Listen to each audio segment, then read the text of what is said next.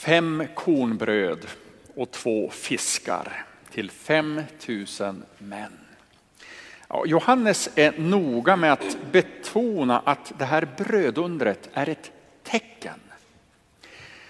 Och Johannes har medvetet strukturerat sitt evangelium bland annat utifrån, de sju, utifrån sju tecken som Jesus gör, varav det här är ett av dem. En händelse som är ett tecken pekar på någonting större. Bortom själva händelsen i sig. Och händelsen i sig är ju fantastisk. Ett under. Och för människorna som är med om det så stillar det deras hunger den dagen. Men nästa dag så är de hungriga igen. För de som i detta under uppfattar ett tecken. Och en del av dem som är med den här dagen, men inte alla. Men också många som genom århundraden också idag läser om denna händelse. De som uppfattar att händelsen är ett tecken får med sig någonting som är mer betydelsefullt än en bukfylla. De får upp ögonen för en livsavgörande sanning. Att Jesus, den som utför undret, är densamme som i skapelsens gryning uttalar orden var det ljus och som skapar liv ur tomma intet. Och det är inte alls självklart att man upptäcker denna sanning, detta tecken.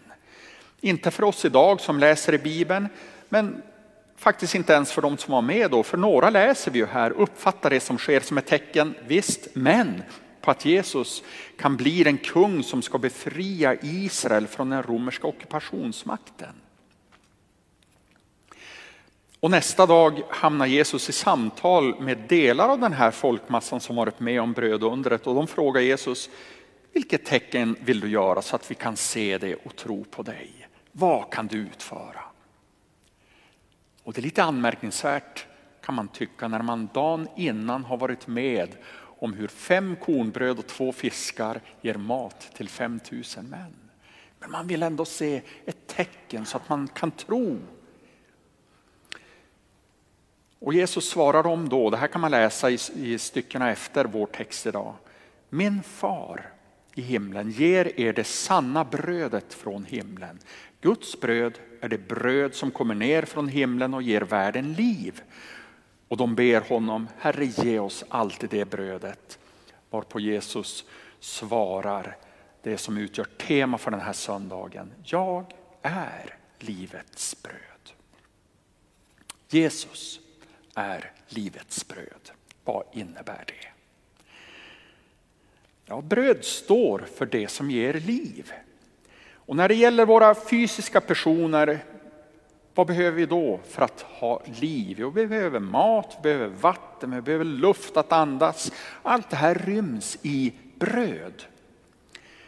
Och nu är det inte så att Jesus är livets bröd på det stora livets smörgåsbord där brödet är en av många rätter.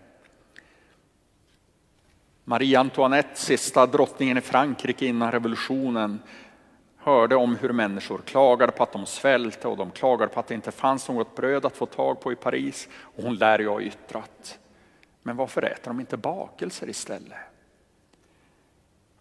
När Jesus säger att han är livets bröd betyder det, det finns inget annat, ingen annan som kan ge liv. Och vad menas då med liv? Vad ryms i det? Ja, tänker vi på en människas liv så börjar det med att mannens spermie befruktar kvinnans ägg. Därefter följer nio månaders graviditet och efter förlossningen fortsätter ett liv fram till den stund när hjärtat slutar att slå och hjärnaktiviteten upphör. Och sedan är det slut. Men när Jesus talar om liv och att han är livets bröd så innebär det en omvärdering eller en påverkan av den bortre gränsen, döden. Flera av er känner säkert till den text som står över ingången till Stampens kyrkogård. Där står Tänk på döden. Och den uppmaningen den hänger ihop med det latinska uttrycket momento mori, kom ihåg att du är dödlig. Och att tänka på döden, det har i äldre tider ansetts som en nyttig övning. Att tänka på döden. Jag skulle nog säga att det är en nyttig övning för många människor idag där evig ungdom dyrkas och eftersträvas på ett sådant sätt att åldrandet för många enbart är en plågsam påminnelse om ett oundvikligt slut som man desperat och till det yttersta försöker hålla ifrån sig. Uppmaningen Tänk på döden kan för all del få ingå i en kristen pedagogik. Men tyvärr är det väl så att den uppmaningen många gånger i kyrkans liv blivit ett mål istället för ett medel för den kristna pedagogiken.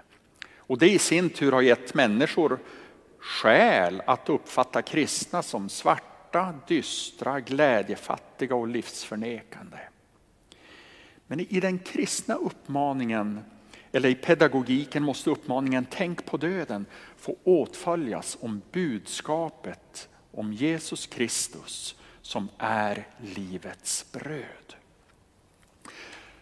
För den som blivit döpt och som har blivit kristen, en Jesu lärjunge. För den personen finns det ingen anledning att stanna i en morbid fascination för döden, att bara tänka på döden. Den som har blivit en Jesu lärjunge ska räta på ryggen, lyfta blicken och fästa fokus ytterligare lite längre bort och lystra till uppmaningen Tänk på livet bortom döden. Den som så att säga äter av livets bröd den har döden inte längre någon makt över. Tänk på livet bortom döden. Och du ska finna att där finns källa till glädje och hopp också för den dag som är nu. Också dagar av prövning, också dagar av motgång, av sjukdom, av sorg och död. Tänk på livet bortom döden. Och du ska upptäcka att Jesus Kristus som är livets bröd inte bara förändrar livets bortre gräns utan även ger livet här och nu djup och mening. Jesus säger, jag har kommit för att de ska ha liv och liv i överflöd. Jesus är livets bröd. Tänk på livet bortom döden. Amen.